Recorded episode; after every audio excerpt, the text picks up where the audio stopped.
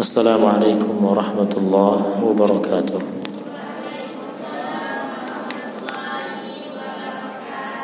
الحمد لله رب العالمين والصلاة والسلام على أشرف الأنبياء والمرسلين محمد وعلى آله وصحبه ومن تبعهم بإحسان إلى يوم الدين.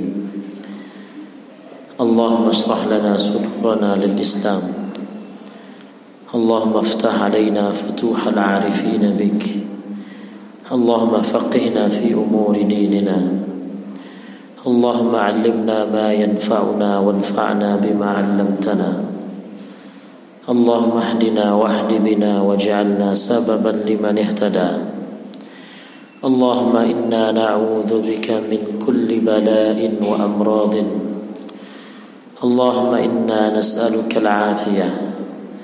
اللهم إنا نعوذ بك من كورونا يا حي يا قيوم إنك على كل شيء قدير أما بعد Tidak ada yang mengaminkan doa saya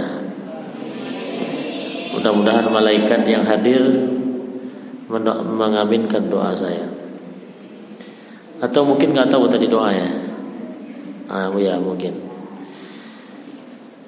para mahasiswa dan mahasiswi yang saya muliakan dan masyarakat tokoh masyarakat yang besar tak disebut gelarnya yang kecil tak disebut nama. Pertama sekali saya mohon maaf karena tadi memang hujan. Kemudian mungkin kena antusias jemaah banyak kuat akhirnya dijemput lah Akhirnya mau tidak mau Allah menakdirkan kita berjumpa. Kalau saya lihat muka-mukanya ada muka-muka lama ya. Dari tadi saya lihat senyum saja. Muka-muka lama saya lihat ada, terutama yang di akhawan sana. Ada muka-muka lama yang kenal saya. Nah, iya katanya. Mudah-mudahan kita berjumpa lagi dalam episode ini dalam menimba ilmu agama. Uh, berkenaan dengan materi yang kita bahas, insya Allah kalau Allah berkenan ini akan berkesinambungan, continue. Tema fikihnya adalah fikih tentang pernikahan. Saya membayangkan yang hadir sini mungkin sudah siap-siap mau nikah. Ya. Makanya ini temanya. Apa-apalah daripada mereka nanti mencontoh yang enggak-enggak mendingan langsung ngaji tentang persoalan nikah maka mudah-mudahan nanti kalau menikahnya sesuai dengan dengan dengan fikih ini Allah memberikan balasan kepada saya karena sudah memberikan ilmu sedikit ataupun banyaknya. Uh, buku panduannya sudah dibagi, itu pakai bahasa Arab ya, bukan bahasa Korea, bukan bahasa Cina, pakai bahasa Arab. Gunanya apa? Supaya jangan dikira ini pengajian kaleng-kaleng. Supaya jangan dikira ini kajiannya kajian enggak nyunnah. Ini kajian yang berdasarkan buku-buku yang dikarang oleh ulama kita. Saya sengaja buku kontemporer, fikih kontemporer yang ditulis oleh seorang ulama besar yang sudah meninggal dunia namanya Profesor Dr. Wahbah Az-Zuhaili. Ya, Wahbah Az-Zuhaili. Beliau punya buku fikih ber, berjilid-jilid banyaknya. Nah, buku yang berjilid-jilid tentang fikih Islam itu beliau ringkas dijadikanlah satu buku ya lebih lebih lebih tipis boleh dikatakan itu saripatinya dari sekian banyak buku yang dia karang tadi. Nah, dari sekian banyak tema fikih yang kita bahas adalah tentang fikih pernikahan. Baik itu peranya atau sedang proses. Baik. Para hadirin dan hadirat yang dirahmati Allah. Ini saya tidak akan membacanya per kata per huruf tidak mungkin. Itu metode di pesantren itu. Al-faslul awal ini pasal yang pertama. Nah, itu itu sistem pesantren. Saya akan memilih kalimat atau paragraf yang penting. Mungkin saya baca teksnya atau tidak saya baca, tapi isinya saya sampaikan. Ini sebagai modul saja. Jadi apa yang saya sampaikan insya Allah tidak akan keluar dari buku ini. Baik ada dia sekalian yang dirahmati Allah. Jadi tema kita, pikir kita namanya pikir kalau dalam uh, istilah fikihnya namanya fikih munakahat. Ya namanya fikih munakahat. Fikih munakahat itu intinya fikih tentang pernikahan dan yang berkaitan dengan pernikahan. Apa contohnya yang berkaitan dengan dengan pernikahan perceraian. Ya kan? Pernikahan kan beda dengan perceraian. Harta warisan. Nasab garis keturunan penentuan. Ini anak ini betul nggak anak kita? Anak saya. Hak anak. Hak asuh anak umpamanya. Dan lain sebagainya. Jadi banyak persoalan tentang pernikahan ini dan yang kita bahas tentunya adalah pranikah dulu ya, pranikah bagi yang jomblo-jomblo di sini jombloan jomblowati kira-kira apa yang perlu disiapkan apa cukup dengan cadar saja Nah, ini kita bahas. Yang ikhwannya apa cukup dengan jenggot saja? Modal jenggot untuk nikah? Nah, ini. Atau jidat hitam saja? Belum tentu. Baik, setidaknya kesiapan untuk menikah itu kita butuh pertama mental. Ya, mental. Mental di sini kaitannya dengan fisik dan rohani kita. Ada orang yang mungkin sudah mapan materi ada, tapi mental nggak ada. Mental di sini mungkin efek dari tidak adanya selera, ya kan? Sehingga nengok perempuan itu grafiknya tenang aja, datar.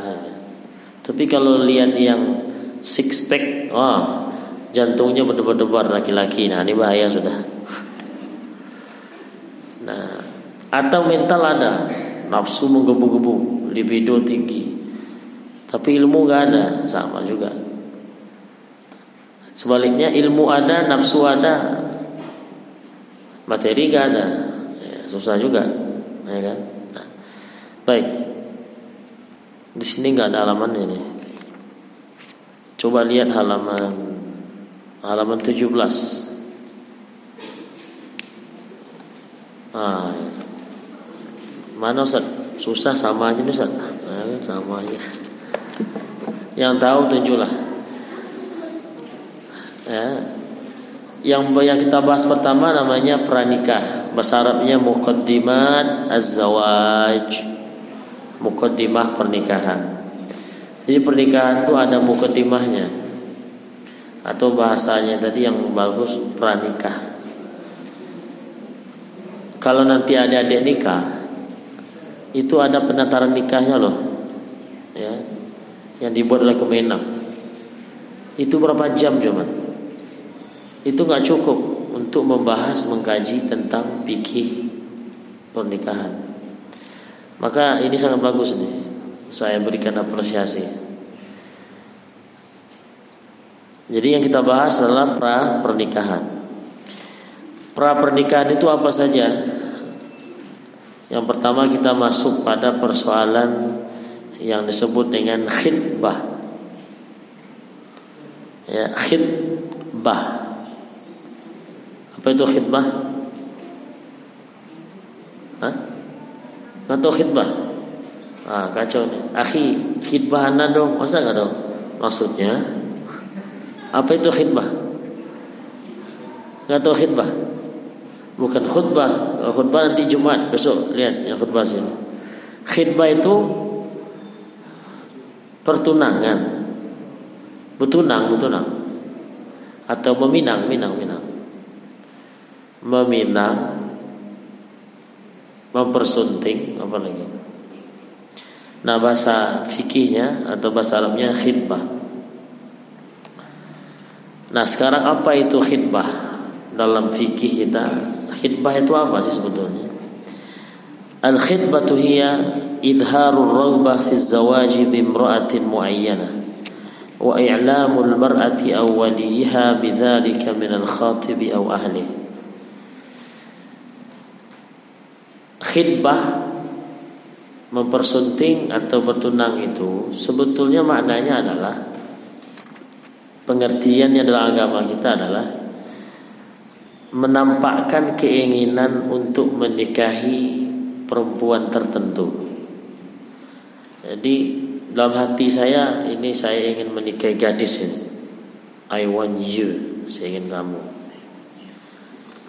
Masih dalam hati nih.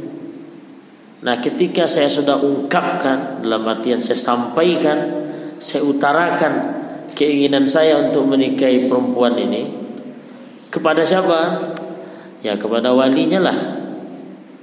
Wali perempuan itu, ah itulah bertunang namanya. Itulah khidbah namanya. Saya bertunang, saya ingin melamar seorang istri, eh seorang perempuan untuk dijadikan istri kedua. Kenapa? Direkam, nggak takut. Lalu saya datangi orang tuanya ya, dengan etika kita ya, sopan santun adat istiadat kita. Lalu saya sampaikanlah kepada orang tuanya, Pak, saya ingin menikahi anak bapak. Nah, ketika saya menyampaikan keinginan saya untuk menikahi perempuan tertentu, dan itu saya sampaikan kepada ahli walinya maka itulah disebut dengan khidbah atau meminang tadi. Maka kalau saya hanya sekedar menyampaikan ke wanitanya itu bukan meminang namanya. Itu nembak istilahnya. Ya. Ukti Ana suka kamu loh. Boleh nggak Ana menikahi kamu? Itu bukan meminang itu ya, itu belum meminang belum khidbah namanya. Itu mungkin baru mau nanya dia nerima kita nggak? Kita bertepuk sebelah tangan apa tidak? Itu saja. Ketika dia bilang mau. Nah, itu belum tentu itu belum khidbah itu. Khidbah itu ketika keinginan kita untuk menikahi seorang perempuan kita sampaikan kepada walinya. Walinya orang yang yang yang berhak untuk menikahkan perempuan itu mungkin bapak saudara kandungnya. Nah, ketika kita ketika kita sampaikan ke yang bersangkutan saat itu kita berarti sudah meminangnya. Fa in wafaqatil makhtubatu aw ahluha tammatil khidbah ketika wali perempuan itu setuju atau perempuan yang dipinang itu setuju maka barulah disebut dengan meminang. Ketika saya sampaikan Pak saya ke sini sebetulnya ingin menyampaikan bahwa saya ingin menikahi anak bapak jadi istri kedua. Hah? Oh ya akhirnya rembuk satu menit dua menit akhirnya disetujui. Saat itu terjadilah pertunangan. Artinya ketika pihak perempuan itu sudah menerima Oke pak, nggak apa-apa. Nah, kalau pokok intinya sudah menerima, maka itu disebut dengan khidbah. Nah, itu pengertian khidbah. Sekarang apa hukumnya? Nah, maaf. Apa hikmah dari khidbah itu apa? Hikmah dari adanya khidbah syariat khidbah dalam agama kita apa? Tu'rafu ta'arrafa kullun minal khatibaini 'ala al-akhar walakinna bil qadr al masmuh bi Hikmah dari pertunangan itu adalah agar masing-masing dari pihak cewek dan cowok bisa saling kenalan. Bisa saling memperkenalkan diri. Nah, itu di antara hikmahnya. Kalau kita lebih duluan, Sebelum dihitbah kita udah kenalan. Iya kan? Malah sebelum kita datang ke orang tuanya kita sudah tahu hobinya apa, mikesnya apa, makesnya apa, apalagi uh,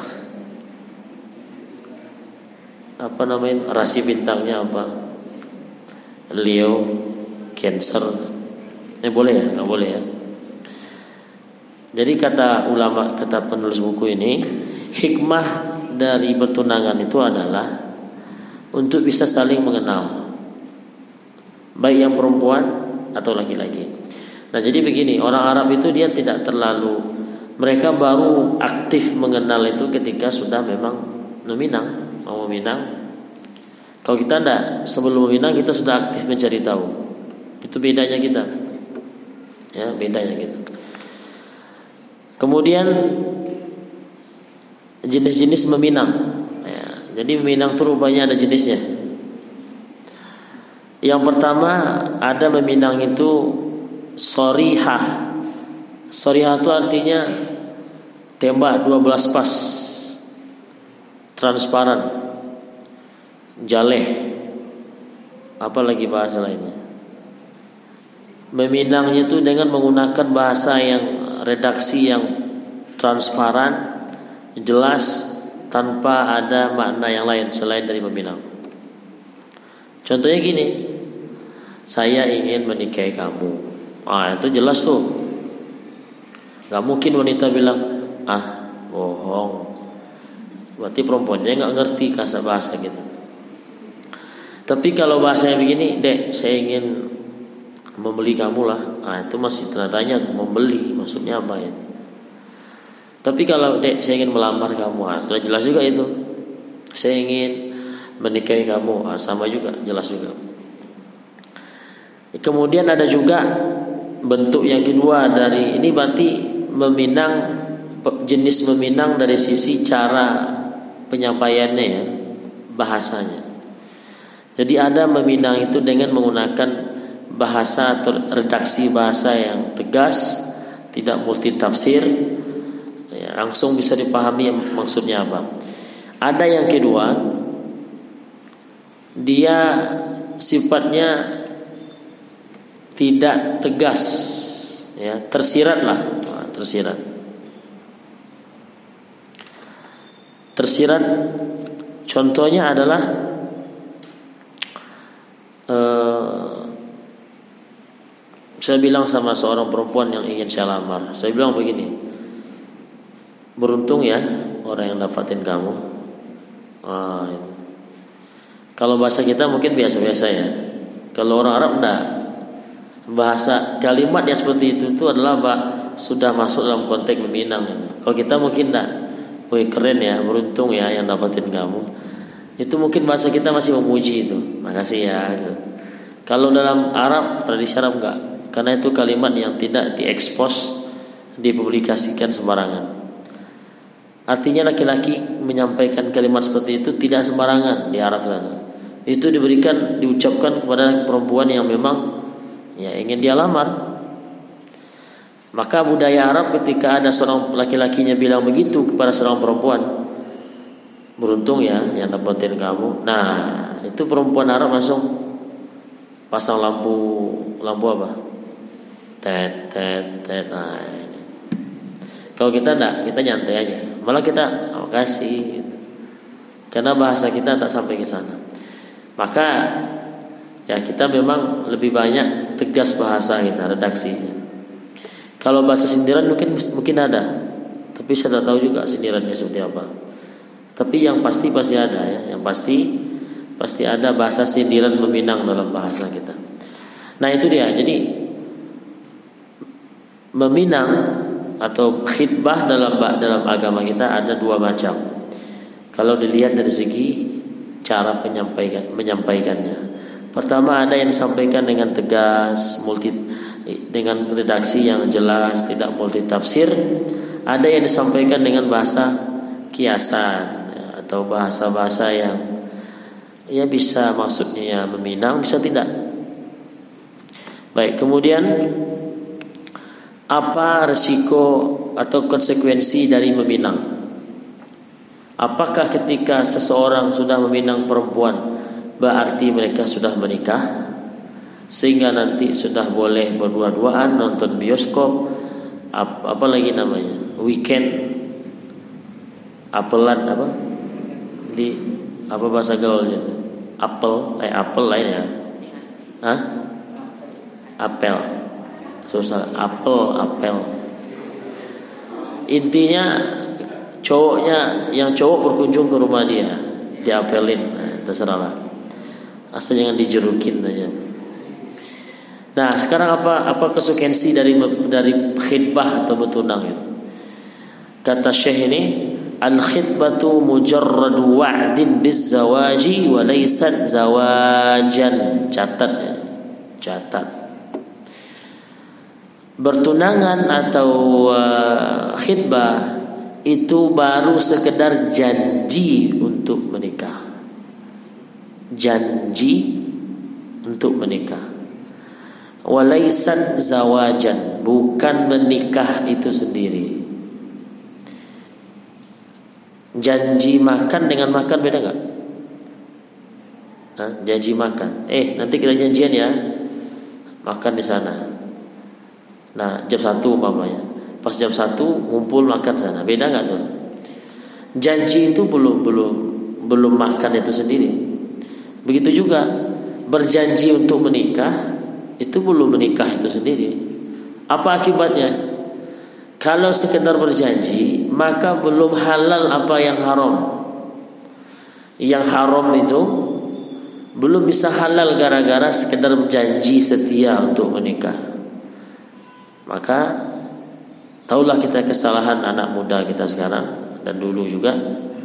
Mentang-mentang sudah bercincin tunangan, kedua belah pihak e, keluarga sudah tahu, masyarakat pun sudah tahu kalau mereka sudah bertunangan. Apa yang terjadi? Ya, sering boncengan, nampak berdua-duaan. Nah, ini kesalahan besar ya. Jadi jangan dipahami kalau sudah bertunangan halal lah apa yang tidak halal sebelumnya. Tetap haram.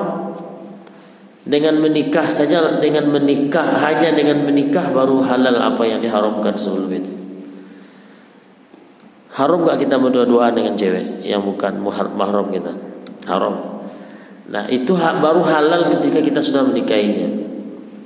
Kalau baru sekedar berjanji, pasang cincin, ya, Walaupun itu tunangan itu dihadiri oleh kedua belah pihak keluarga, pakai makan-makan, pakai ngundang ini pula, ngundang masyarakat, sama aja, sama saja. Jadi bukan persoalan orang sudah tahu atau belum tahu. Yang anda lakukan ini belum nikahnya, baru berjanji untuk menikah alias bertunangan. Anda undang satu RT, dua RT pun, tapi kalau diundang itu hanya untuk acara bertunang, maka belum halal bagi ente maka jangan disentuh-sentuh.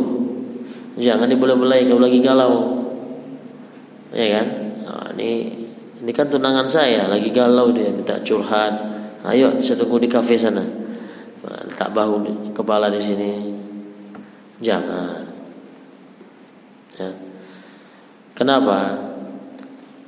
Mungkin anda nanti bisa mungkin mungkin. Mungkin anda nanti mendapatkan suami yang ternyata sebelum dia menikah dia mampu menjaga harkat dan martabatnya sehingga dia tak pernah menyentuh satu pun wanita yang haram disentuh. Sementara Anda sudah seratus laki-laki yang menyentuh Anda. Adil tuh? Anda aja ini perempuan ya. Saya andai saya perempuan nih, saya perempuan, saya dilamar seorang laki-laki, ternyata laki-laki itu selama dia jomblo mampu menjaga dirinya tak pernah pacaran, tak pernah nyentuh cewek yang tak boleh disentuh. Sementara saya ternyata wah, udah pacaran berapa kali sudah gonta ganti, ya kecup sini, kecup sana, pegang sana. Kira-kira gimana? Apa rasanya? Sempat laki-laki itu tahu apa rasa laki-laki? Sementara laki-laki itu dia menjaga dirinya buat kamu, dia jaga dirinya Tuhan. Dia sengaja tak menyentuh wanita yang tak boleh disentuh. Buat kamu, buat istri kamu. Eh, kamu malah buka gerbang ke mana? ya.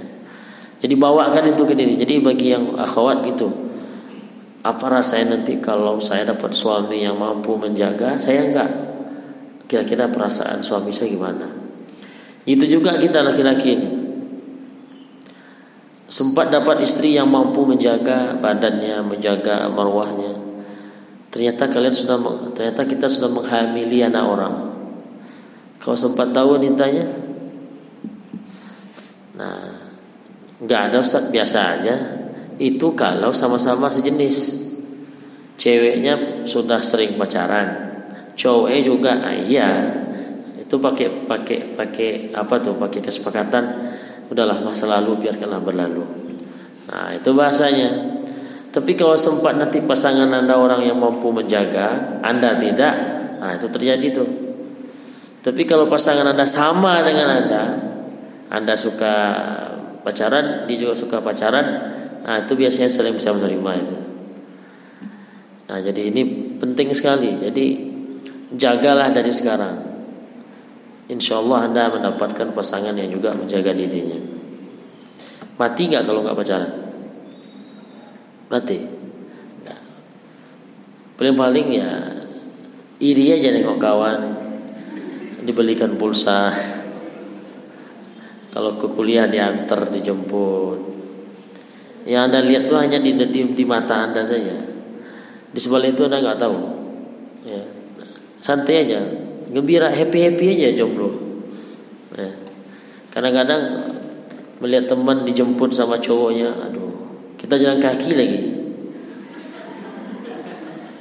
Ditambah pula kata kawan, nggak laku ya. Aduh. Nah, sabar, sabar. Zaman sekarang itulah cobaan. Cowok itu juga sebetulnya cewek lebih lebih lebih hormat kepada cowok yang mampu menjaga pandangan, mampu menjaga interaksi dengan dengan lawan jenis. Gemes ya, ih cowok ini kok gitu sih? Jadi nggak usah. Pura-pura nggak tahu aja. Nah, cool aja.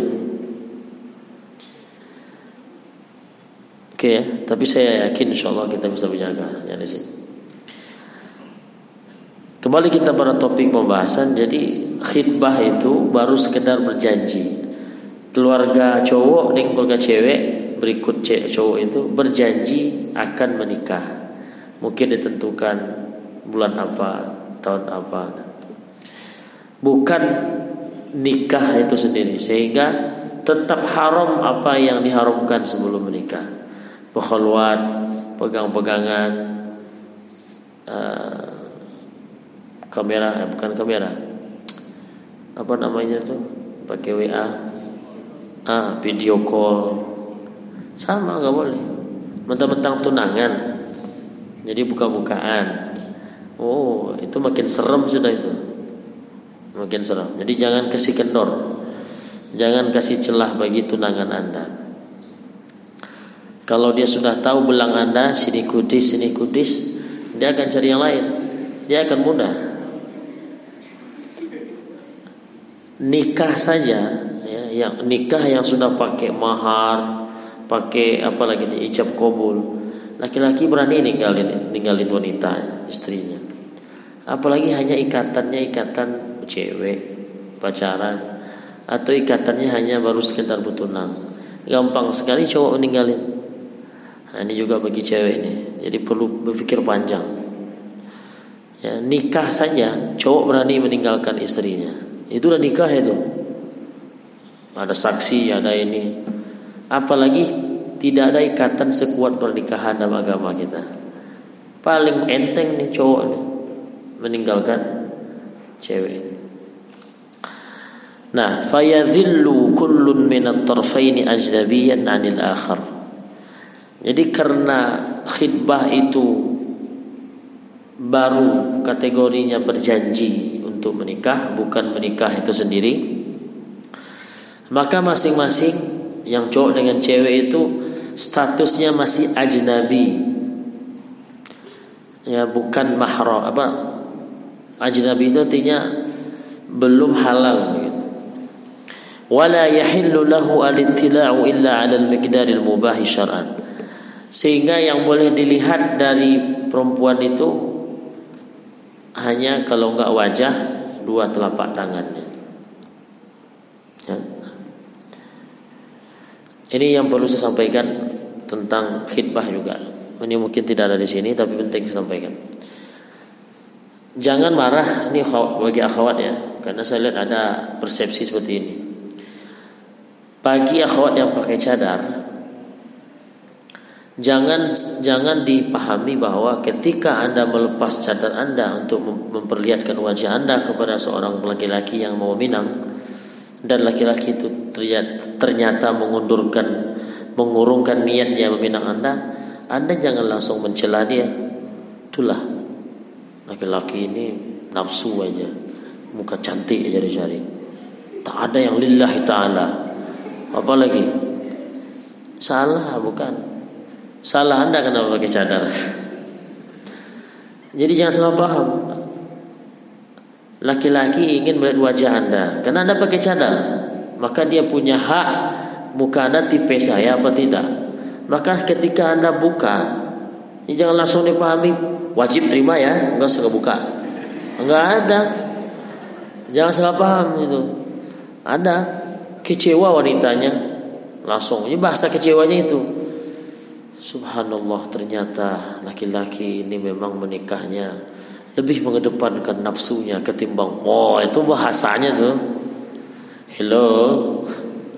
Emangnya kalau nikah kalau nggak cocok mau dipaksa bisa dipaksa? Maka pesan saya kepada yang bercadar bukan saya menyuruh tanggalkan cadar tidak. Ketika nanti anda dipindang oleh laki-laki dan dia meminta anda buka buka nikob disuruh. Karena ingin lihat wajah anda ya yang tadi itu kalau nanti lanjut setelah buka sadar alhamdulillah berarti cocok muka anda di mata dia. Tapi kalau tidak jangan seuzon dengan dia. Saya udah ngalamin itu. Ngalamin curhat orang ya bukan saya yang ngalamin. Saya udah ngalamin ada orang yang curhat ke saya waktu itu. Langsung macam-macam tuduhannya ke cowok itu. Ya. Kayak tadi nikahnya nggak lillahi taala. Oh, nikah hanya mencari kecantikan. Wah, itu bahasanya itu kecewa. Terima sajalah, buka, nggak cocok, sudah tutup lagi. Mungkin nanti orang yang kedua, ketiga yang cocok dengan muka anda. Nah, bagi yang tak pakai cadar, ketika sudah ada yang meminang, ya jangan ragu lagi, karena dia sudah tahu wajah anda. Nggak mungkin tengok wajah nggak cocok, minang juga, nggak mungkin itu. Jangan nanya lagi gimana muka saya cocok nggak? Nah, itu dia meminang anda berarti cocok muka dengan dia. Ya sudah. Nah, ada yang yang bercadar yang memahami seperti itu. Mudah-mudahan nggak ada ya. Jangan kecewa nanti. Nah, itu intinya. Karena memang begini, bertunangan itu memang intinya kita mencari kesesuaian dari segi fisik kemudian juga dari segi yang lain itu bukan bukan satu hal yang negatif itu ya, buang prasangka yang enggak enggak itu terutama dari dari perempuan. Menikah itu butuh nafsu butuh birahi butuh syahwat. Kalau nggak ada syahwat gimana mau menikah? Bisa nggak enggak. Maka dalam Islam itu Nabi menyuruh kita memandang tengok yang mau menikah menikah itu. Manusia atau boneka itu. Itu artinya agama kita itu menyesuaikan dengan dengan tabiat kita itu kita menikah karena ada dorongan nafsu. Maka kita disuruh nyari. Ini sesuai nggak dengan tipe kita? Nah tolong bagi perempuan itu bukan hal yang negatif. Justru itu sesuai dengan syariat agama kita. Ya. Karena kita karena dalam agama kita tidak ada ceritanya nikah itu seperti membeli kucing dalam karung. Maka ada satu komunitas yang tak mungkin disebutkan nama komunitas ini. Kalau kita mau menikah, kita minta bantu sama orang itu. Tolong ya, saya mau menikah, carikan, kasih proposal. Nanti proposal sebelah itu kasih proposal juga, lihat foto. Ketika lihat foto harus terima apa-apaan tengok dulu lah orangnya proposal boleh-boleh saja proposal itu mungkin datanya ya fotonya sekilas oke lah tapi itu bukan final. Jadi janganlah jangan jangan dipahami ketika proposal itu kita terima proposal soal wanita kita terima wajib diterima. Wajib berarti kita sudah serius tuh. Enggak tahu Syekh uh, Yusuf Qardawi ya, ulama besar dia punya buku tentang uh, biografinya tentang masa apa namanya itu sejarah hidupnya Kalau kita baca sejarah hidup itu luar biasa. Ulama besar dunia yang seperti itu ada dia tahu nggak gimana dia cari cari istrinya? Menarik. Orang-orang besar itu kalau kita kita baca sejarah hidupnya bagaimana dia cari istri, cari pekerjaan luar biasa. Kita kadang-kadang senyum sendiri kita. Terasa nggak mungkin rasa seperti itu gitu dengan sosoknya yang ulama besar. Singkat cerita beliau pas ingin apa namanya setelah dia sudah tahu ada nama yang cocok dengan dia wanita itu dia ingin melihat wanita itu. Ah ulama coba. Dia minta dipertemukan dengan wanita itu. Dengan syarat wanita itu nggak tahu kalau dia ingin menikahinya maka dia aturlah siasat. Bikin skenario. Gimana caranya? Ternyata wanita itu setiap harinya lewat di sebuah jalan. Nah di di situlah Yusuf, Syekh Yusuf Qardawi itu duduk menunggu wanita itu. Nah ya sudah, karena wanita itu nggak sadar, nggak tahu kalau Yusuf, Syekh Yusuf Qardawi ini mau minang dia. Ya sudah, ketika lewat dia lihat, oh lihat atas bawah. Kalau belum juga, kalau seandainya belum juga ada yang tertarik, biasa. Besok tengok lagi. Ini bukan Sukurdawi ya. Ini uraian saya. Tengok lagi besoknya. Tengok lagi. Tak ada yang bergetar nampaknya. Besok tengok lagi. Tak ada juga. Ah, sudahlah nanti cari yang lain aja. Ya, begitu pentingnya. Sama dengan akhwat. Akhwat karena kita tidak pakai nikop, mudah mereka nyari mana yang tampannya, mana yang manis? Enak kalau kawan. Kita mana bisa kalau yang pakai cadar. Jadi sama-sama enak lah. Kalian enak milih kami kami enak juga milih kalian. Dia enak bisa ngelihat wah ini cakep bodinya nih. Wah ini bina ini olahragawan nih tinggi. Wah ini dada bidang. Wah ini tampan manis. Enak dia milih. Pas kita ngelirik dikit apa? Yang mau nengok ah kan kacau tuh. Dibilang kita mata kamu jaga. Nah, saat kita mencari istri ya meminang atau apa tadi menazor itu di situlah kita betul-betul menyeleksi. Buang prasangka yang nggak baik tadi. Kok ke sana terbegini ya? Baik. Jadi yang nama meminang bukan pernikahan. Kemudian al khidbatu al khidbah. Meminang di atas pinangan. Nah, haram hukumnya kita meminang wanita yang sudah menerima pinangan orang lain. Oke. Okay. Haramun fil Islam idza alima asy-syakhsu bi tamami khidbatil fatati li ghairihi. Tidak boleh kita meminang seorang perempuan yang dia sudah meminang perempuan yang lain, sudah dipinang oleh laki-laki yang lain. Kecuali, nah, ada kecualinya. Kecuali diizinkan oleh laki-laki yang meminang dia. Mungkin dia lomba, bro. Saya sudah meminang laki perempuan tuh bro, diterima bro. Sekarang kalau jantan bro, pinang bro. Nanti kalau kalau nanti dia memutuskan kamu saya enggak saya terima. Nah, itu berarti dia siap. Nah, boleh itu. Jadi meminang meminang wanita yang sudah dipinang orang lain itu hukum dasarnya nggak boleh. Kecuali laki-laki yang meminang wanita yang sudah yang sudah diterima pinangannya itu mengizinkan. Mau juga ya? Silakan bro. Silakan. Nanti biar dia yang memutuskan. Nah ini. Kenapa dilarang? Karena itu akan menyakiti laki-laki yang sudah meminangnya. Sakit tak? Saya dah meminang perempuan. Oke kata perempuan itu. Eh masuk yang cowok ini. Gara-gara dia masuk di cancel ya saya. Aduh sakit hati lah saya. Ya. Itu setelah pinangannya diterima. Kalau seandainya pinangan itu jadi Siapa nama itu lupa. Asbi.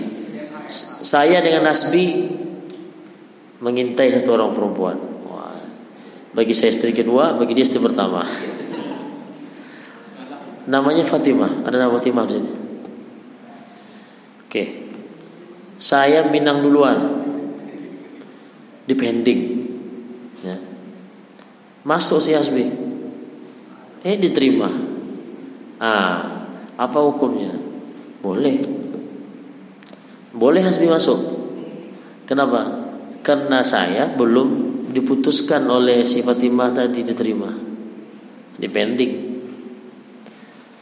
ya nah. tidak haram hukumnya Paham? jadi meminang pinangan orang yang nggak boleh itu kalau pinangan itu sudah diterima oleh perempuan itu dan laki-laki yang meminang yang pertama itu tidak rela kalau ada yang meminang lagi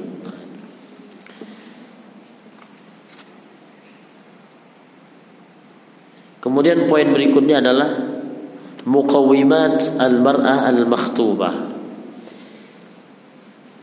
Ini kalau bahasa kitanya mungkin ciri-ciri perempuan yang memang layak untuk dipinang. Nah, ini, ini bagi laki-laki nih. Oh, laki-laki.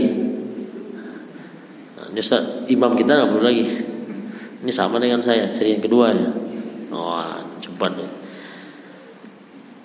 kriteria perempuan yang layak kita pinang. Bagi kita ini patokan kita. Bagi perempuan, ah, tolong ini kriteria ini tolong di diwujudkan. yang pertama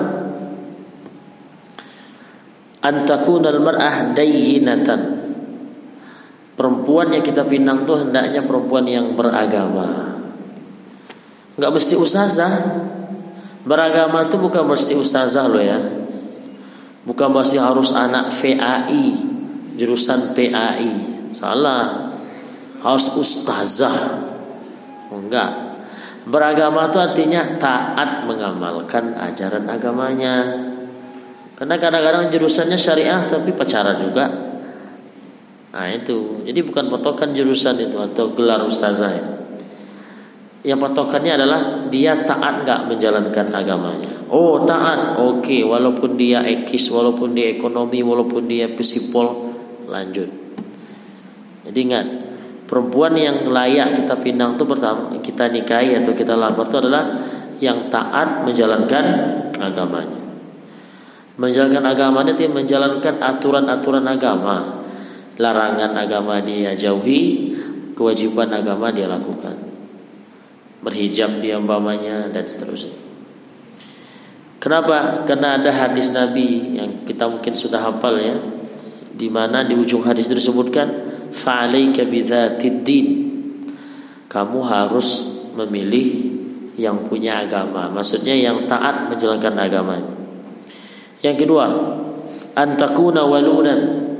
Perempuan yang layak kita perempuan yang sebaiknya kita pinang itu adalah walu dan subur. Bahasa kitanya subur.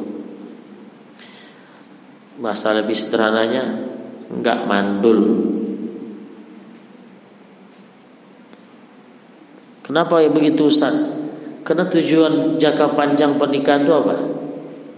Punya keturunan kan? Sekaya apa pun suami Anda, secantik apa pun istri anda setahun bolehlah sabar dua tahun kalau sudah dua puluh tahun nggak juga punya anak hilang itu kecantikan istri ketampanan suami kekayaan hilang. Karena jangka panjang dari pernikahan itu ya kita pengen keturunan. Maka dari awal kita mencari itu cari bibit yang bagus. Nggak ada salahnya kita juga ajak cek dia. Eh yuk kita cek kesuburan yuk. Sejauh mana kita ini subur atau tidak. Boleh saja tapi nggak wajib. Cek ada masalah uh, di alat reproduksi nggak? Rahimnya bagus apa tidak? Yang cowok mungkin spermanya bagus apa tidak? Ada penyakit di kelamin nggak? Itu boleh. Dan kita berhak. Kalau kita laki-laki maunya yuk kita cek yuk kamu cek di ya bukan bersamaan. Mungkin satu dokter cuma di hari yang berbeda. Dengan syarat hasilnya nggak boleh dibohongin. Sama-sama transparan. Boleh-boleh saja kalau enggak ya masing-masing. Kita cek diri sendiri. Ada masalah nggak kita? Dan juga boleh kita nanya e, ukti kalau boleh ukti ada masalah di alat reproduksi nggak maksudnya mungkin ada penyakit kelamin atau apa. Yang akan dibilang astagfirullah tobat dahi nah, enggak. Kadang-kadang terlalu polos juga cewek.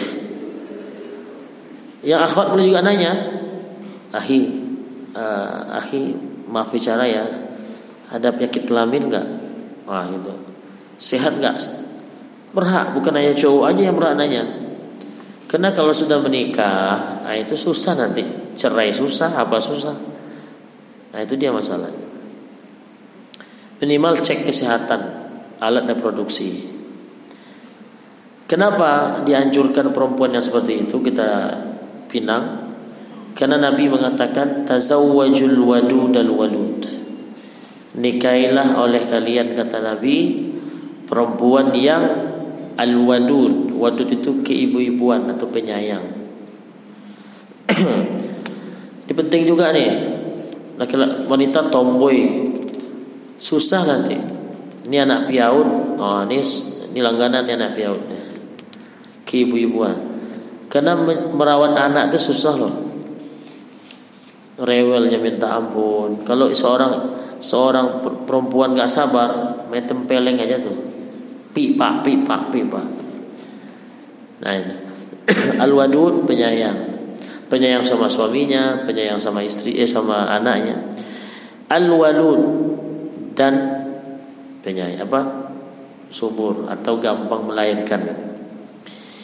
Kenapa Nabi menyuruh mencari wanita yang seperti itu? Karena kata Nabi, "Fa inni mukathirun bikumul umama yaumal qiyamah." Karena saya nanti di hari kiamat akan berlomba-lomba dengan para nabi yang lain mana umat yang paling banyak. Wah, ini ini dalam bahasa saya ya. Ada kontes umat nabi siapa yang paling banyak. Kayak kontingen MTQ umat Nabi Adam teteng teteng teteng tengok ah cuma 2000 berikutnya kontingen umat Nabi Nuh ya. wah itu semakin banyak angkanya makin bangga Nabi-nya. Terakhir umat Nabi Muhammad. Tak terhitung. Ini hanya guyonan saya. Intinya Nabi nanti berlomba-lomba dengan Nabi yang lain. Kira-kira umat siapa yang paling banyak? Ya jelas umat kita lah, umat Nabi Muhammad paling banyak. Nah, jadi Nabi itu bangga ketika nanti ternyata um, dia adalah Nabi yang memiliki umat paling banyak. Nah, untuk itu maka carilah yang gampang melahirkan atau gampang hamil alias bukan mandul. jadi antisipasi dari sekarang ya antisipasi dari sekarang jangan sampai ya kita bisa berusaha. Kalau sudah berusaha cek medis segala macam tahu-tahu ternyata mandul juga ya sudah. Gimana lagi coba? Ya. Wa yu'rafu dzalika kauniha min nisa'in yu'rafna bi kasratil nah Ustaz Ustaz gimana cara mengetahui perempuan ini ya, subur. Nah, cara mengetahuinya kalau sekarang mudah dengan medis umpamanya ya. Dengan ngecek kesehatannya alat reproduksinya. Kalau dulu cara ngeceknya adalah dengan melihat keluarganya, ibunya berapa orang bersaudara. Dia adik-beradik yang sudah nikah berapa anaknya. Gitu caranya. Ibunya cuma satu orang, nggak ada punya adik, nggak punya kakak. Terus dia sendiri satu orang, dewean, nggak punya abang, nggak eh, punya kakak. Gitu. Ah ini perlu waspada ini. Jangan-jangan nanti nikah sama anaknya ini nggak punya anak lagi. Nah, itu caranya, itu di antaranya. Itu nggak pasti juga, tetapi itu hanya patokan uh, apa namanya 80-an persen. Karena saya lihat ya, saya temui ada keluarga yang dia ibu ini adik-adiknya banyak. Kemudian kakaknya, adiknya tuh punya anak banyak, tapi dia mandul. Ada. Nah, berarti kan itu pengecualian. Artinya itu jarang. Jadi bisa dari situ, bisa bisa dikenali subur atau tidaknya perempuan itu dari dari uh, jumlah anggota keluarganya. Tanya, uh, boleh tahu ibu berapa orang saudara? Ibu saya sebelas bang, sebelas. Ma, ini dia yang saya cari. Sebelas saudara ibunya, iya. Terus kamu berapa saudara? Cuma sepuluh bang. 10 Sudah ada yang nikah yang cewek Sudah bang, udah nikah semua Berapa yang cewek? 10 orang, 5 orang yang cewek bang Tinggal kamu lagi, iya Empat orang berarti yang nikah ya. Yang empat, empat, empat orang ini berapa anak-anaknya? Banyak bang, ada yang ada enam, ada yang tujuh, ada yang lima. Wah, Mantap ya, bismillah. Pas nikah rupanya mandul ya. Sudah Gimana lagi gitu Ya poligami lagi gitu. Susah banget jangan dicerai. Yang ceweknya marah-marah pula. Begitu ya. Saya nikah mau cari cari keturunan. Kalau saya ceraikan kamu menzolimi namanya. Ya sudah sabar. Mana tahu kamu rela saya poligami Allah berikan anak. Nah, kadang-kadang dia mandul nggak pula ngizinin kita nikah. Ini susah juga kita jadinya. Jangan ego kali. Kecuali laki-lakinya yang mandul. Dia yang mandul poligami pula dia. Gimana coba nah itu baru marah. Abang ini nggak sadarkan diri. Abang yang mandul poligami pula. Kasihan nanti ya istri kedua. Tak punya anak juga. Mudah-mudahan kita nggak mandul. Nah, saya bilang punya dua orang anak. Dari satu istri dari satu baru istri nah Ketawa deh. Kemudian yang ketiga, antakuna bikron. Ah. Wanita yang layak kita nikahi, yang sepantas yang kita nikahi itu juga adalah wanita yang virgin. Do you know virgin? Bukan yang penyanyi itu. Virgin, perawan. Penting ini sebaiknya saya tidak mengatakan wajib oh kalau nggak perawan nggak sah nikahnya salah paham sebaiknya karena makan bekas orang dengan yang belum dimakan orang itu rasanya beda re ya. susah untuk saya jelaskan karena itu rasa ya kalau tak percaya tanya sama Ustaz Sudamro ya rasa kalau sudah rasa gimana? Gak mana bisa gambarkan? Rasa sendiri nanti. Nah. Ya, jadi cari yang perawan. Di samping itu ada hadis Nabi juga. Kan ada seorang sahabat Nabi namanya Jabir. Nikah. Ya, habis nikah ketemu Nabi. Dibilangnya, Nabi saya baru menikah. Oh, yang kamu nikahi cewek perawan atau janda? Yang Maksudnya yang perawan atau yang ada enggak perawan? Yang udah enggak perawan. Nah, apa kata Nabi? Fahala bikron tula ibuha wa tula ibu.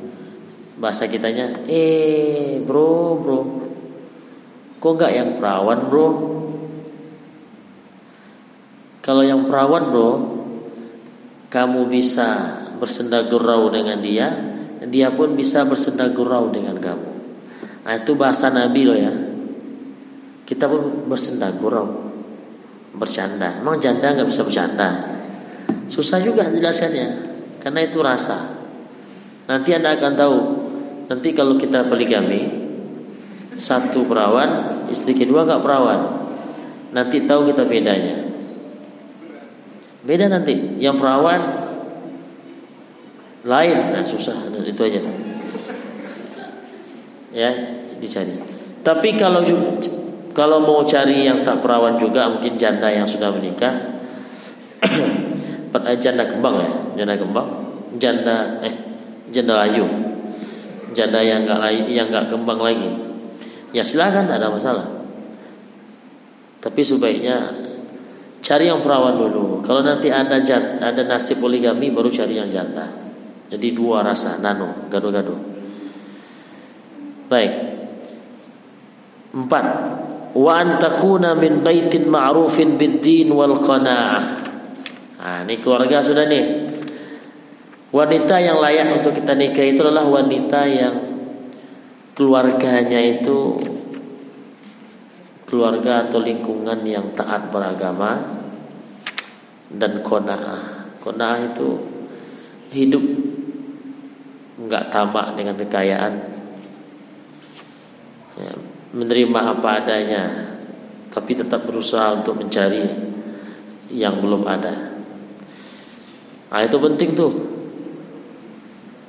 Ya cari perempuan yang lingkungannya atau keluarganya baik-baik gitu.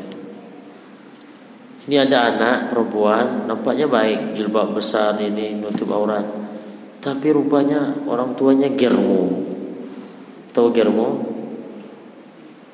Germo, bapaknya germo. Ah, kalau bisa tuh di ya diletakkan di nomor sekian lah. Bukan haram ya, saya tidak menyinggung. Bukannya haram dah. Kita nanti akan ada beban lagi. Beban kita apa? ya beban keluarganya dia kita perlu persiapan untuk membentengi anaknya dari kondisi orang tuanya yang nggak begitu baik. Tapi kalau anda punya mental kuat, Bismillah, saya akan dakwahi orang tua, eh, mertua saya. Nah, kalau serius ya silakan. Tapi anda iman anda goyah, nikah sama wanita yang keluarganya itu pun jarang sholat, jauh dari agama. Jangan-jangan anda nanti yang kena jadinya ke bawah. Itu masalah. Kalau anda siap ya silakan. Tapi kalau tidak siap, ngurus istri ya susah, ngurus mertua lagi soal agama, aduh pusing. Ayah sudah cari wanita yang keluarganya sudah bagus agamanya. Tapi kalau semangat dakwah anak kuat, Allah Akbar, jihad, nah, ya sudah cari mana. Kemudian al-qanaah tadi, qanaah itu kita menerima apa yang ada saat itu. Kalau di dapur saat itu cuma tempe, ya makan tempe. Bukan berarti kalau ada orang ngasih ayam kita nggak mau. Lapor nih ya, pergi ke dapur tengok tempe, makan tempe. Datang orang, eh mau ayam, ayam goreng, kopi dipit, enggak, konaah bro, enggak, salah itu. Terima apa yang ada dulu. Ya nanti kalau ada rezeki ya kita cari yang lain. Itu penting juga tuh. Ini ndak cari cari calon istri yang memang belanja make upnya. Saya sudah kewalahan kita. Ya salah anda nanti. Kalau sudah menikah anda potong bantingnya di duit habis hanya untuk make up dia tanya aja kamu make upnya berapa sebulan? Habis. Saya nggak make, saya tidak make up bang. Saya nggak pakai make up oh gitu ya. Tanya ini saya make up minimal satu juta bang sebulan. Mak lah wala kota bilang sejuta. Ya ah, itu tanya sama dia. Karena perempuan ini memang tak bisa dilepaskan dari make up itu. Kemudian nah ini uh, lima. Yang kelima wan takuna hasibah wahiyan nasibah ay tayyibatul asal. Sebaiknya mencari wanita yang keturunannya jelas. Keturunan jelasnya artinya gini bapaknya jelas siapa. Sehingga anak zina kalau bisa jangan. Bukan berarti haram ya atau anak buangan. An, waktu kecil dia dibuang orang tuanya sehingga dia tinggal di panti asuhan. Nggak jelas ayahnya. Kalau bisa itu letakkan di nomor sekian. Kalau enggak juga udah Ustaz pokoknya dia aja yang di mata saya. Monggo. Nggak haram itu. Ya. Tapi harus siap nanti. Ketika anak nanya kakek mana? Ah ya susah. Atau nanti tahu-tahu ada masalah ya nah, supaya tidak ada masalah carilah wanita yang keturunan jelas. Bapaknya siapa? Dia dibuat ketika setelah akad nikah atau belum ada seterusnya. Maka di sini disebutkan apa? Zina wal laqitah wa man la yu'rafu abuha makruhun.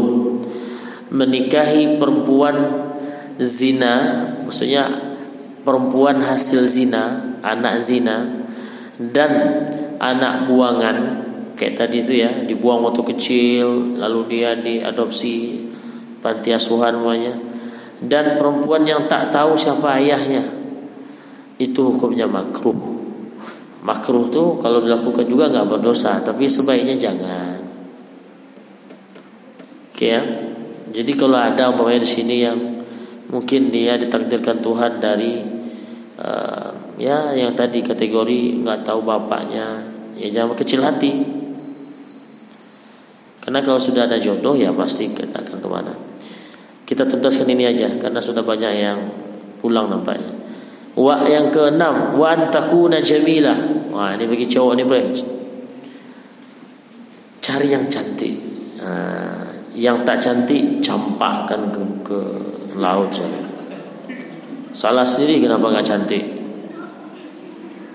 Ya. Cari yang cantik. Yang nggak cantik campakkan, coret nggak cantik.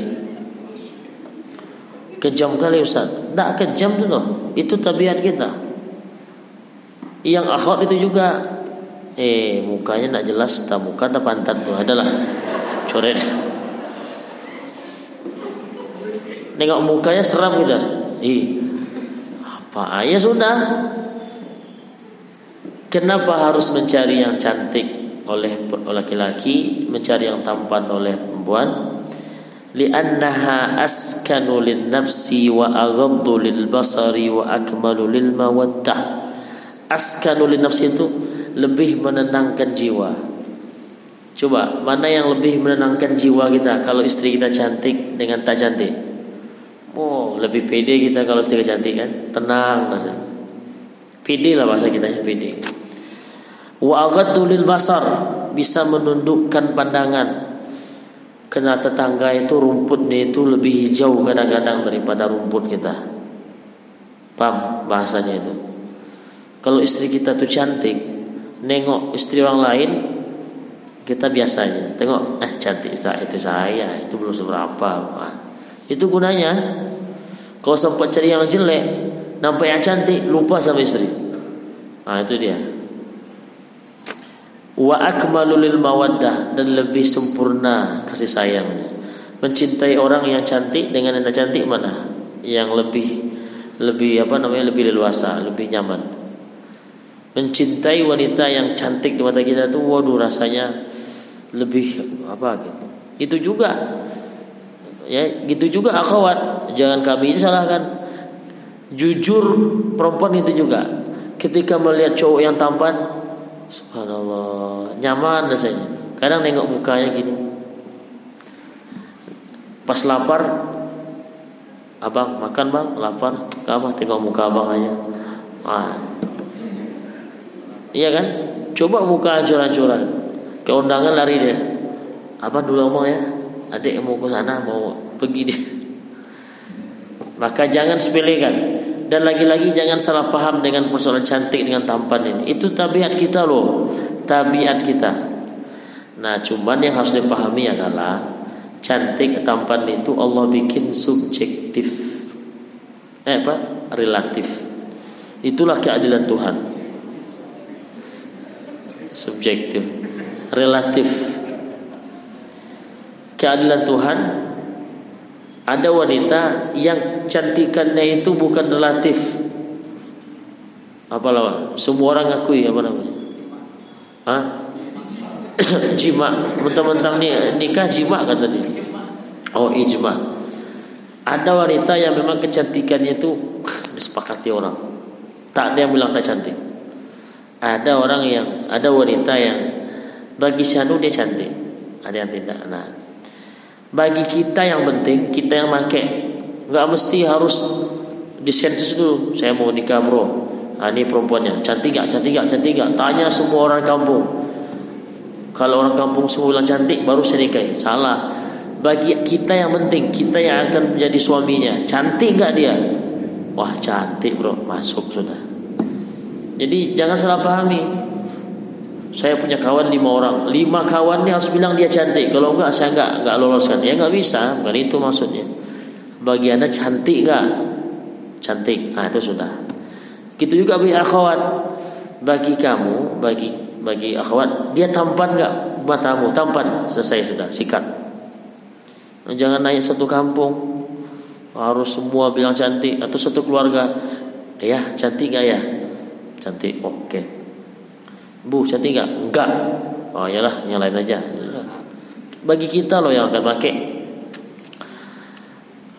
kemudian nah ini ada hadisnya ini ada hadisnya soal cantik tampan ini hadis Abu Hurairah Kila ya Rasulullah ayun nisa'i khair. Dia ada orang bertanya kepada Nabi, wahai Nabi, Perempuan yang terbaik itu apa sih?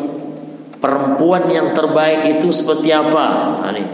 Udah zaman dulu ditanya coba. Kata Nabi, allati tasur tusirruhu allati tasurruhu in. Nah, ini enggak nih, perempuan yang baik itu kriterianya apa? Atau dalam hadis yang lain perempuan soleha itu kriterianya apa? Bukan jilbabnya paling panjang, paling dalam, pakai niqab, hafal Quran 30 juz, kuliah jurusan. Nah, ini dia catat nih. Mudah aja bilang saya mau istri soleha. Enggak gampang. Kriterianya ini. Satu. Allati tasurruhu in nazar. Kalau ditengok sama suaminya, nyenangin. Itu istri soleha loh. Berarti apa tuh maksudnya? Berpenampilan dan dan yang menyenangkan. Artinya apa? Kriteria pertama istri soleha atau perempuan yang terbaik adalah pandai berdandan di mata suaminya. Itu loh kriterianya. Walaupun 30 juz tapi rambut kayak dongking. Apa rasanya? Tidak nampak 30 juz sudah nampak rambutnya. Mak, la haula wala billah. Berarti kriteria perempuan yang soleh yang, pertama, yang pertama adalah pandai menjaga penampilan dan berdandan untuk suaminya. Pergilah ke salon. Untuk suami lo ya, bukan untuk orang lain. Yang kedua, watuti'u in amar. Kalau disuruh sama suaminya nurut, tuh. Kriteria istri soleh yang kedua, nurut. Dek, ambilkan gelas. Padahal suaminya main HP nih main game lagi jangan kan bisa aja dia ngambil HP istrinya apa? Lagi nyusuin bayi. Kan lagi kerja tuh ketika mendengar suaminya minta ambilkan gelas ambilkan ini sigap dia. Ambil. Tidak disuruh ngomel aja.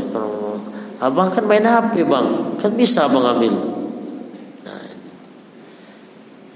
Maka ingat ya, sekali lagi saya, saya ingatkan, istri soleha bukan kategorinya hafal 30 juz. Kan hafizah. Bukan hafal, bukan pandai bahasa Arab. Bukan aktivis ormas ini. Apalagi ya, bukan yang levelnya sudah jadi musrifah, murabbiyah apa segala macam. Nah, ini pegangannya. Pertama tadi Ya akhwat. Pertama apa? Pandai berpenampilan, berdandan bagi suami. Pandai bersolek dia untuk suaminya. Rambut harum, ini enggak. Sini rambutnya. Ma baunya la haula wala quwata illa billah. Gimana? Cewek suka dibelai oleh suaminya. Tapi gimana mau belainya? Belum dibelai sampai sini. Ya kan? Cobalah rasakan nanti. Karena ada masa-masanya wanita itu down. Mungkin sedikit capeknya bekerja, akhirnya apa nggak mandi sore. Nah, coba jaraknya ada terbawa. Nah, itu kita yang harus paham ya, mungkin lagi. Kemudian yang ketiga, nah perhatikan nih, waktu tihu in amar. patuh kau disuruh. Di hadis ini dan hadis lain Nabi tak sebutkan nyuruh apa suaminya. Itu artinya apa? Mutlak selagi baik kalau disuruh suami dia ikut. Jadi nggak ada ceritanya masa ngambilkan sepatu aja saya bang. Abang kan nggak ada kerjaan, nggak ada. Istri soleha mau barang remeh temeh pun siap dia. Nah, itu istri soleha. Itu yang terbaik. Nah, saya lah itu. Boleh lah yang pakai cadar, pakai nikop, eh, pakai jubah panjang, hafal 15 juz, 45 juz. Tapi itu baru baru ibarat HP ya, itu baru casing, Bro. Casing. Tengok nanti setelah setelah nikah tes. Dek, bikinkan abang teh. Abang nih, adik lagi lagi merujuk Quran nih bang. Abang nyala. Tap.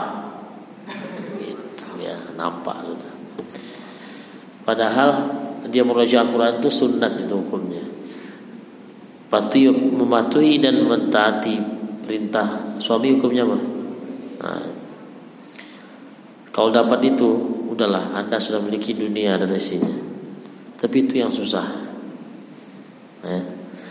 Kemudian wala tukhalifuhu fi nafsiha wa maliha bima yak bima yakrah. Dalam hadis yang lain lebih mudah bahasanya begini. Amanah dan bisa dipercaya terkait materi suaminya. Maksudnya apa? Tahu diri. Tahu diri dalam soal duit. Berapa banyak wanita yang nggak tahu diri? Duit suaminya, duit dia, duit dia nggak duit suaminya.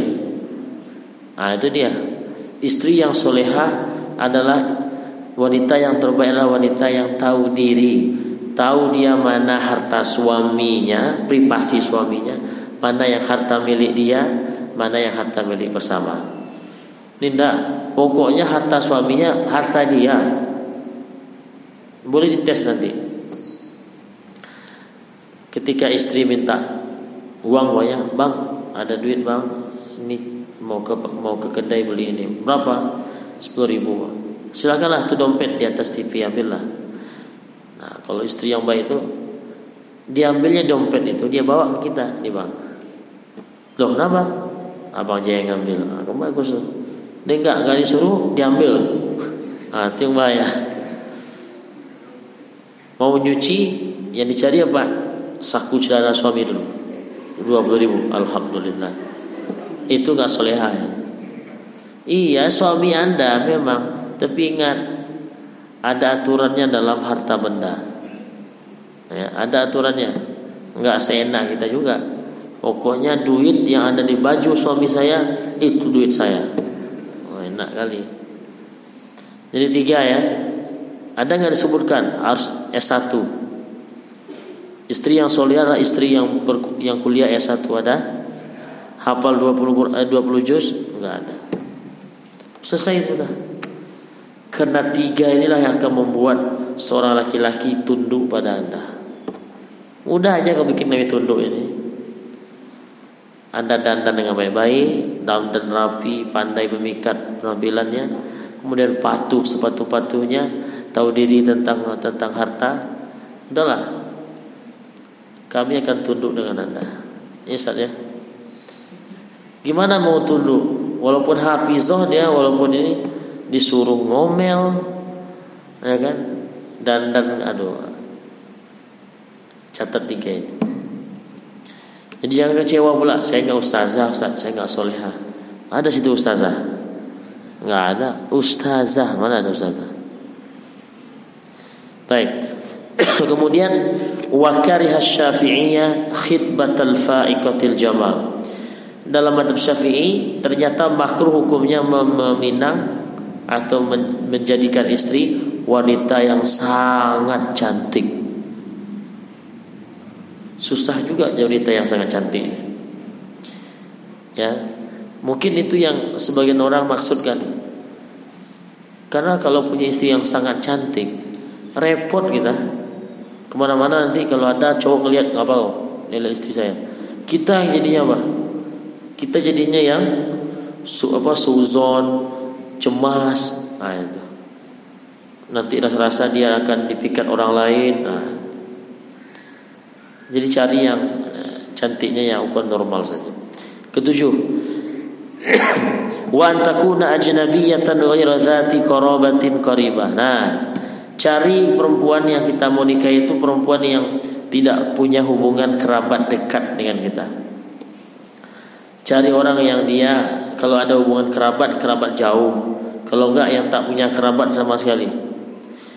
Untuk apa? Di anna waladaha yakunu anjab supaya anak yang dilahirkan nanti atau generasi keturunan itu nanti keturunan yang kuat fisiknya dan sehat.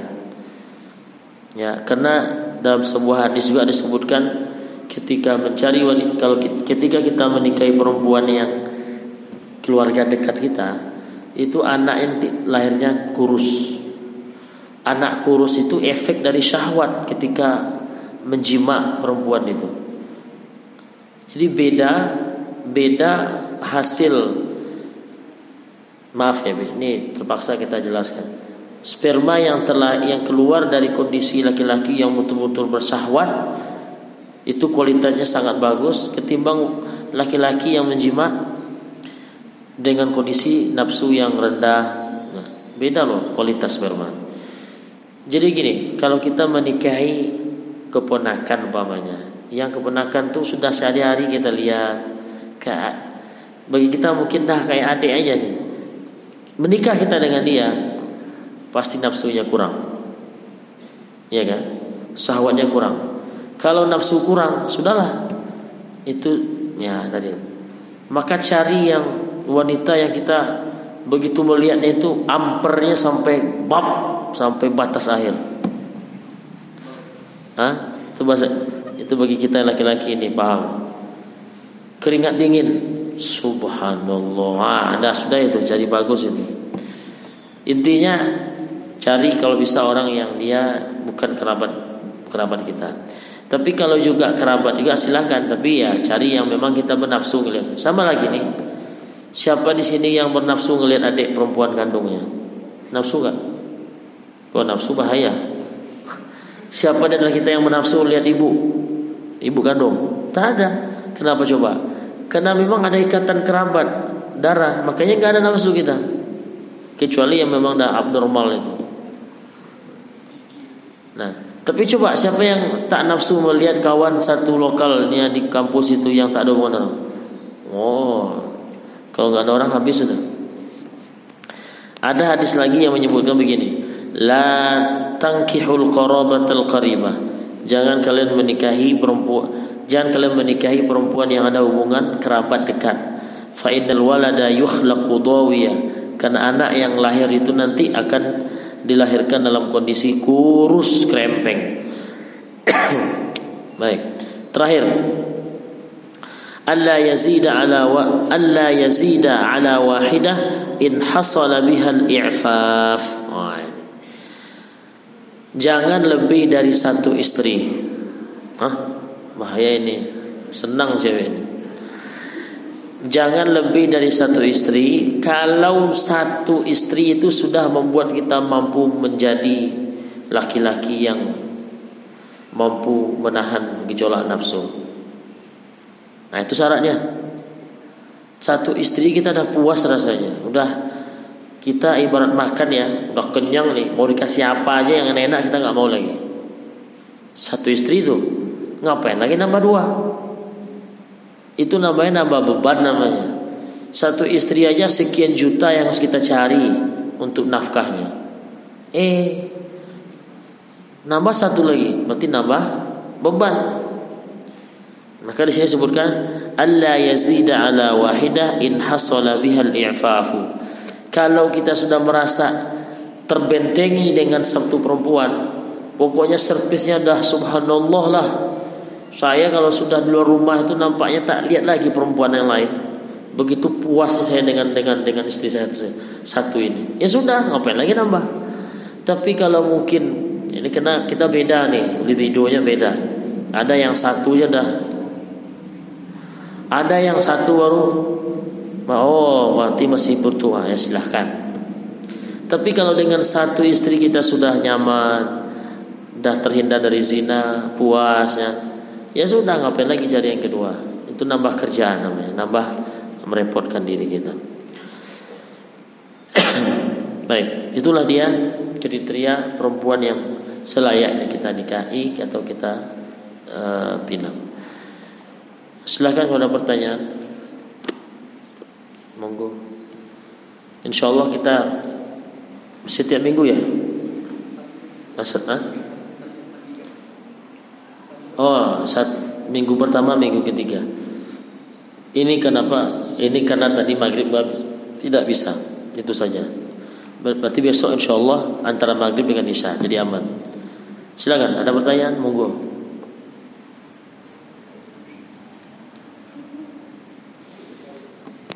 kriteria perempuan tadi juga jadi kriteria laki-laki ya. Contoh, jangan yang kerabat dekat. Nah, gitu juga. Yang akhwat itu juga. Saya akhwat perempuan, dipinang oleh keluarga dekat saya. Bagi saya dah abang aja dia abang. Ya sudah. Anda ngelihatnya nggak nafsu juga ya sudah. Jangan jangan cari yang lain. Ah silakan. Ada dari akhwat? Kalau malu pakai tulisan boleh juga boleh.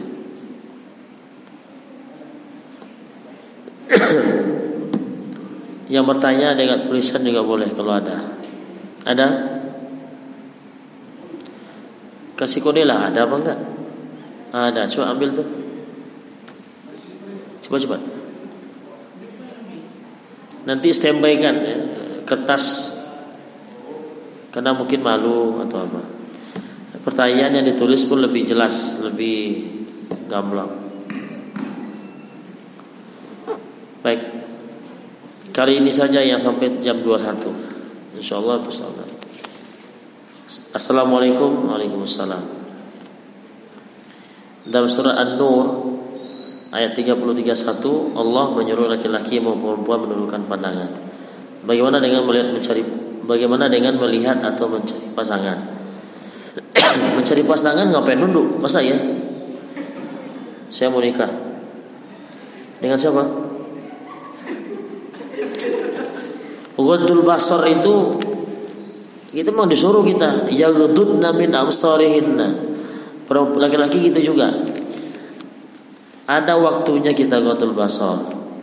Ada yang tidak. Nah kapan kita tidak ghadul basar? Di antaranya lah ketika cari pasangan Masa cari istri kita dah terserah aja lah ya. Yang mana yang cantik ini? Astagfirullah, astagfirullah jangan. Pokoknya cantik gak? Cantik gak kamu? Cantik ayah itu aja. Salah itu sudah. Jadi ketika melihat atau mencari pasangan, pasangan untuk nikah ya atau dipinang, memang harus buka mata kita. Ada hadis yang saya tak hafal matanya.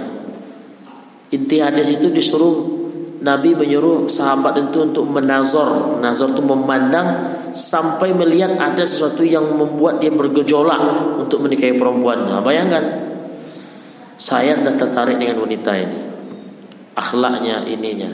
Saya mau lihat fisiknya. Nafsu gak saya lihat fisiknya? Itu bahasa kasarnya gitu. Nafsu gak saya? Lihat. Betul. Oh.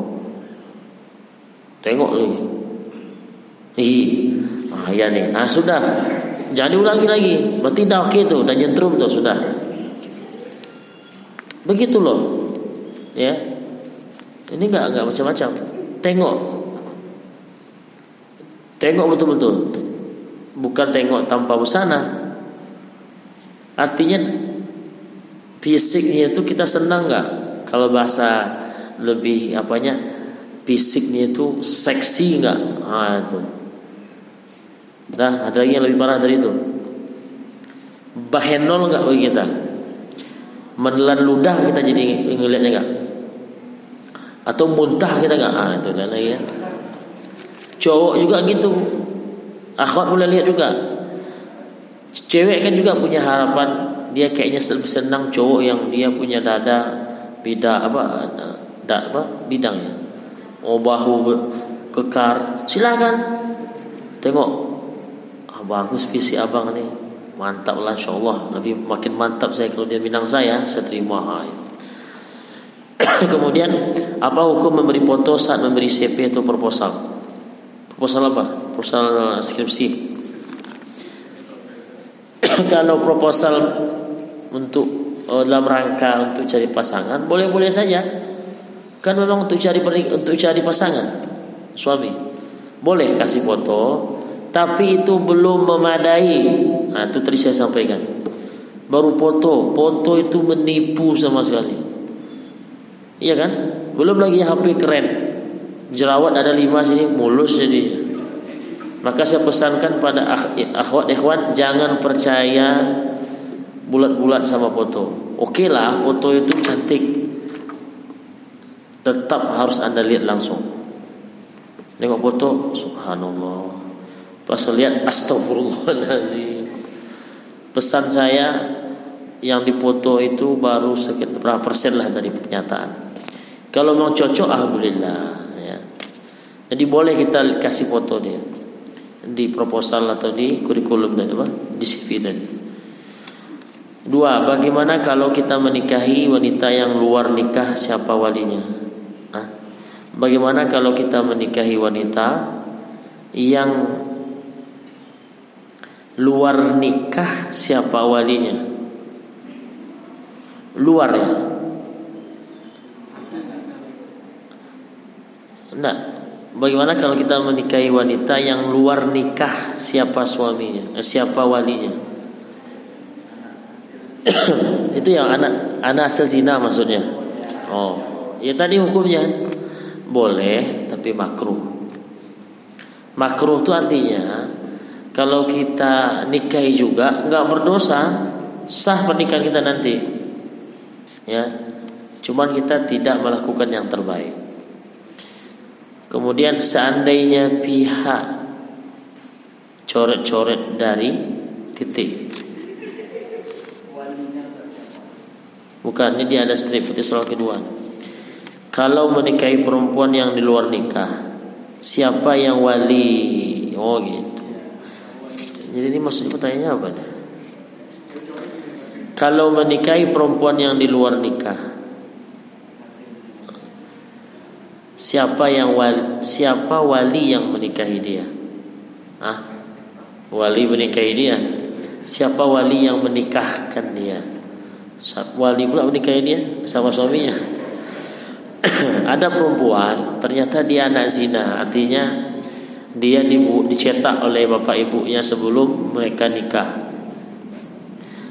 Pas ya ketika anak anak mereka ini menikah, perempuan anaknya menikah, siapa walinya? Ya bukan bapaknya itu, bukan bapak biologisnya. Bapak itu ada dua, ada bapak biologis, tapi bukan bukan bapak syari syari, ada bapak syari plus bapak biologis. Bapak biologis itu bapak yang DNA-nya sama dengan kita yang dibuat oleh laki-laki sebelum nikah itu pasti sama DNA-nya. Sperma dia kok. Kecuali ibunya minta yang lain juga campur. Kalau sperma yang kalau yang menghamili cewek itu adalah satu orang, pasti DNA-nya sama. Makanya disebut bapak biologis. Nah, cuman untuk syarat jadi wali itu bukan sekedar bapak biologis, bapak biologis plus bapak syar'i. Apa itu bapak syari? Bapak yang membuat anaknya itu setelah menikahi ibunya. Nah, itu dia. Jadi kalau ada perempuan yang ternyata dia anak zina, maka yang menikahkan dia bukan bapak yang membuat dia sebelum nikah. Terus siapa? Wali hakim. Kalau kita ya Pak Kua atau ah, yang di bawah kuasa apa namanya? ah P3N atau ada satu lagi? Pe Tuan Kadi ada lagi satu. Ah penghulu penghulu atau Pak Kua itulah dia. Kalau pihak Kua itu adalah keluarga pihak ayah ibu. Ah kalau pihak Kua kalau pihak Kua itu adalah keluarga pihak ayah ibu Mana yang nanya nih? Maksudnya apa tuh? Tadi itu sudah tanda tanya. Kalau menikahi perempuan yang di luar nikah, siapa wali yang menikahi dia? Tanda tanya. Oke, dari jawab. Habis itu, kalau pihak kuah itu adalah keluarga pihak ayah ibu. Oh, kalau sempat ayah kandungnya itu, eh, sempat pula ayah yang menghamili ibunya itu penghulu atau kuah. Ya bapaknya itulah, tapi bukan mengat, bukan atas nama bapaknya. Kuahnya itu. Oh itu. Ahmad menikahi Fatimah, eh, menghamili Fatimah sebelum nikah. Lahirlah nama perempuan namanya Zainab. Oke. Okay. Ternyata si Ahmad ini profesinya kuah atau penghulu. Pas anak dia yang bernama Zainab ini menikah, Nah, kalau bapaknya ini yang kuat ini pas menikahkan dia bilang, saya nikahkan perempuan, eh, saya nikahkan Zainab. Eh, wahai siapa nama suaminya? Hai Johnny, saya nikahkan kamu dengan Fatimah eh, dengan Zainab. Tak sebut bintinya dengan Zainab. Wah, dengan Zainab yang saya wali hakimnya. Nah, karena dia bukan karena dia posisinya waktu itu yang sah hanyalah sebagai hakim. Apa namanya wali hakim bukan orang tua kandung. Bukan apalagi ke orang tua yang tak kandung. Apa? Orang tua syari. Baik itu serasa mungkin jawabannya eh, terkait pertanyaan ini. Baik ini cowok dah. ini tambah dingin nanti nih minumannya. Oke, mudah-mudahan bermanfaat dan silakan dievaluasi. Saya tidak mau nanti Anda dipaksa. Saya pun tak mau datang ke sini sementara saya tidak disukai cara penyampaiannya. Silakan dievaluasi ya supaya kita nyaman-nyaman saja. Oke demikian mudah-mudahan bermanfaat. Kita tutup dengan doa kafaratul majlis. Subhanakallahumma wa bihamdik asyhadu an la ilaha illa anta astaghfiruka wa atubu ilaik. Wassalamualaikum warahmatullahi wabarakatuh.